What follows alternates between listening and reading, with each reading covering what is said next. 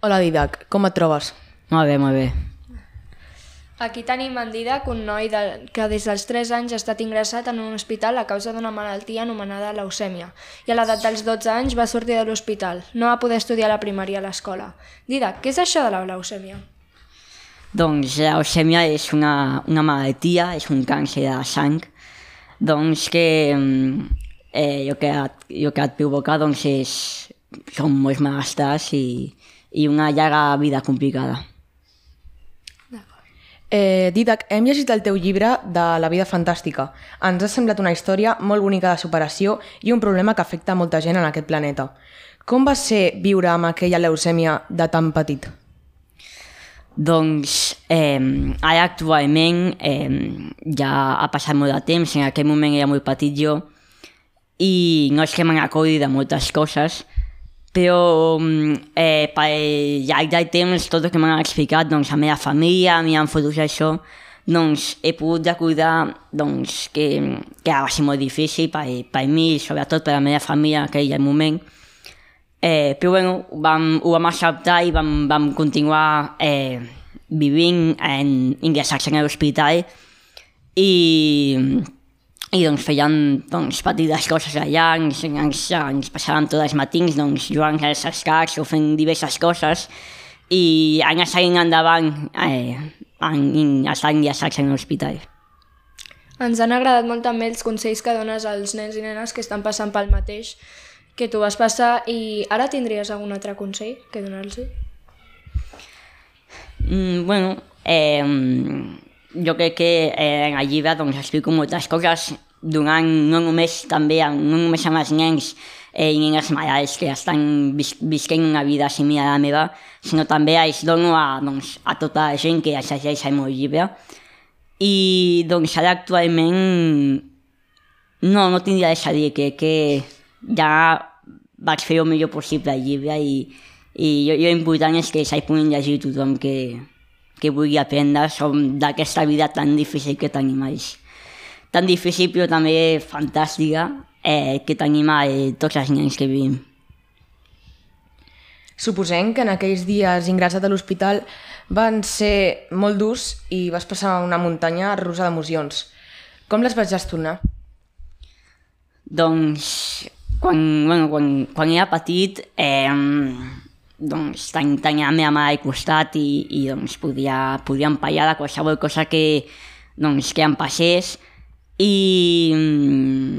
eh, quan ja em vaig més gran eh, el que em va ajudar molt va ser fer tots els, tots els escrits del llibre doncs, per poder eh, doncs, expressar tots, tot, totes aquelles eh, sentiments i emocions que tenia doncs, al llarg del dia i doncs, poder expressar amb, amb diferents paraules i escrits, doncs, això m'ajudava molt per després poder-ho tornar a llegir, doncs, entendre una mica tot el que va estar passant en aquell moment. En algun moment et vas preocupar pel teu estat de salut?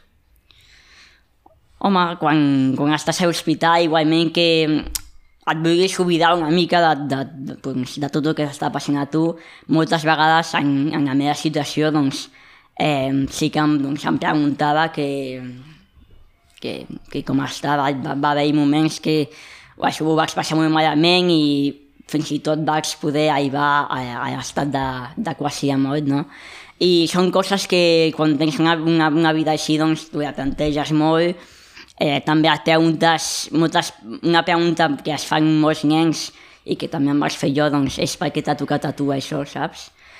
I, i això, però bueno, com continuo dient sempre, seguint endavant, podent expressar tot, tot això que tens en, en, bueno, en cadascú el que jo que vulgui, jo vaig expressar en, en, en, en diferents estics i seguir endavant per poder tenir una vida fantàstica. Eh, vam llegir el teu llibre i eh, ens vam adonar que vas conèixer un munt de nens que tenien la mateixa dificultat que tu. Però va haver-hi un en especial que vas parlar sobre el teu llibre. Eh, ens podries explicar com era l'Albert i qui era?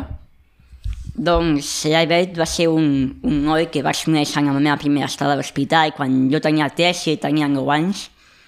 I bueno, vam, vam estar un, un, un temps eh, fent de, de companys d'habitació a l'hospital i doncs hi ha un noi que ens passàvem tot el dia doncs, jugant amb, amb els nostres peutxos, fent de, d'infermers, dibuixar amb els, els nostres somnis en, i poder-ho fer. I, i me recordo molt al llarg de la vida, igualment que de la seva situació doncs, es, va, es va morir, doncs m'he recordat molt d'ell gràcies a Iparuig que em van donar la seva mare i el seu germà després de la seva mort per, doncs, per aquell Paruig doncs, poder-ho eh, portar sempre en els ingressos que vaig tenir més endavant en l'hospital doncs, i per poder-ho recordar, tenir una imatge eh, doncs, viva doncs, dins meu en els moments més difícils per mi. I aquest Paruig de, de, que, que, que estic ballant és el Paruig que surten a les il·lustracions de, de la il·lustradora de Carme Soler i d'Aimo Llibre, doncs que també ja presenta, jo que he dit ara, doncs, tots els moments que recordava l'Albert, doncs, doncs, de la meva vida. Al sortir de l'hospital, quan et van donar l'alta, com, et vas, com et vas sentir quan vas tornar a l'escola després de tant de temps?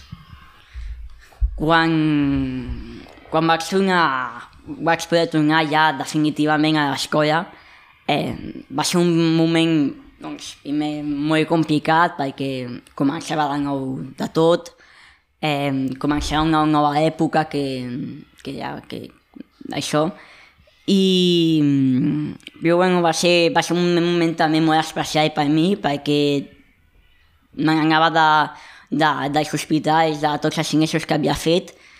I doncs vaig, vaig, vaig seguir endavant i em, se'm feia, eh, es, em, em, em veia molt estrany els meus companys perquè hi ha l'únic l'únic noi de l'escola doncs, que ja agradaven al, al col·legi, no?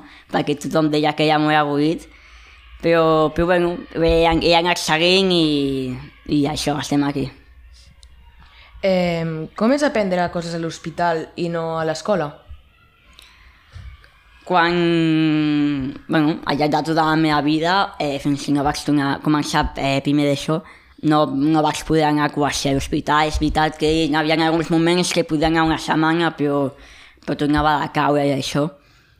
I, i quan érem, sobretot quan vaig ser molt petit, eh, qui, em, qui em va ajudar va ser la meva mare, que és mestra, i, i bueno, anava, anava aprenent de les, de, les, de les coses que ella m'ha ensenyant, petites coses, les més importants de tot, i després, quan ja vaig, vaig ser una mica més gran, vaig tenir eh, una, una professora a l'hospital o un professor domiciliari que venia a casa meva i, i, i anàvem fent petites coses per, per poder seguir allà doncs, els meus companys d'escola que, que estaven.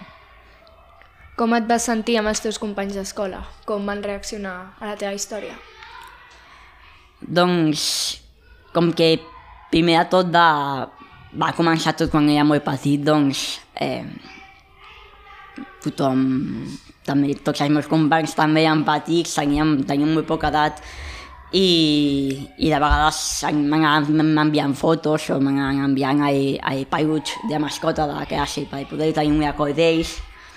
I més endavant doncs eh, tothom, en el meu cas, tothom ho va acceptar bé i, i manteníem una relació bona. No és que tampoc eh, palléssim molt i això, però perquè ja estava vivint moments molt complicats, però igualment totes aquelles persones que vaig estar amb elles a, a, a, a l'escola doncs, van acceptar la meva situació i ho van entendre perfectament i, i van viure una, una, una vida, una, una relació doncs, bonica i tranquil·la.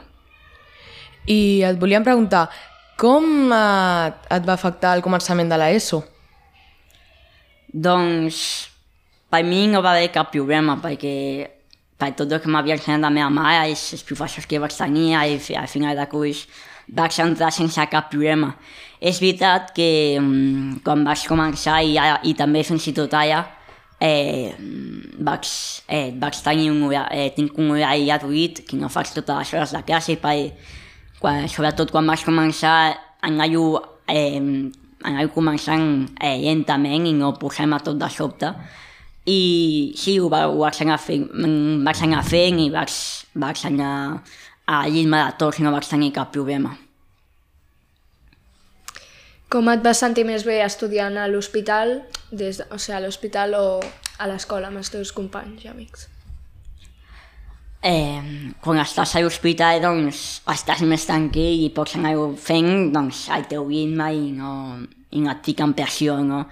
Però, bueno, clar, estar a l'escola i a l'institut, doncs, és molt millor perquè tens companys amb qui parlar, amics amb, amb qui poder jugar a coses i això i bueno, són dues situacions que no podia ficar una sobre l'altra.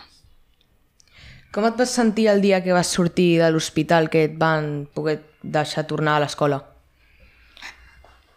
És veritat que eh, anteriorment va, va, va haver molts moments que anava tornant a casa. Eh. El problema és que eh, feia moltes eh, caigudes i això, però eh, després del meu segon transplantament, que va ser l'últim ingrés llarg, de cometes, que vaig fer, doncs, eh, home, va ser, va, va ser una il·lusió molt gran per mi, per poder, eh, com he dit abans, començar una nova època, per, per poder tenir més, més sentiments dins teu, i així doncs em vaig posar molt feliç per, per poder veure aquesta notícia tan bona.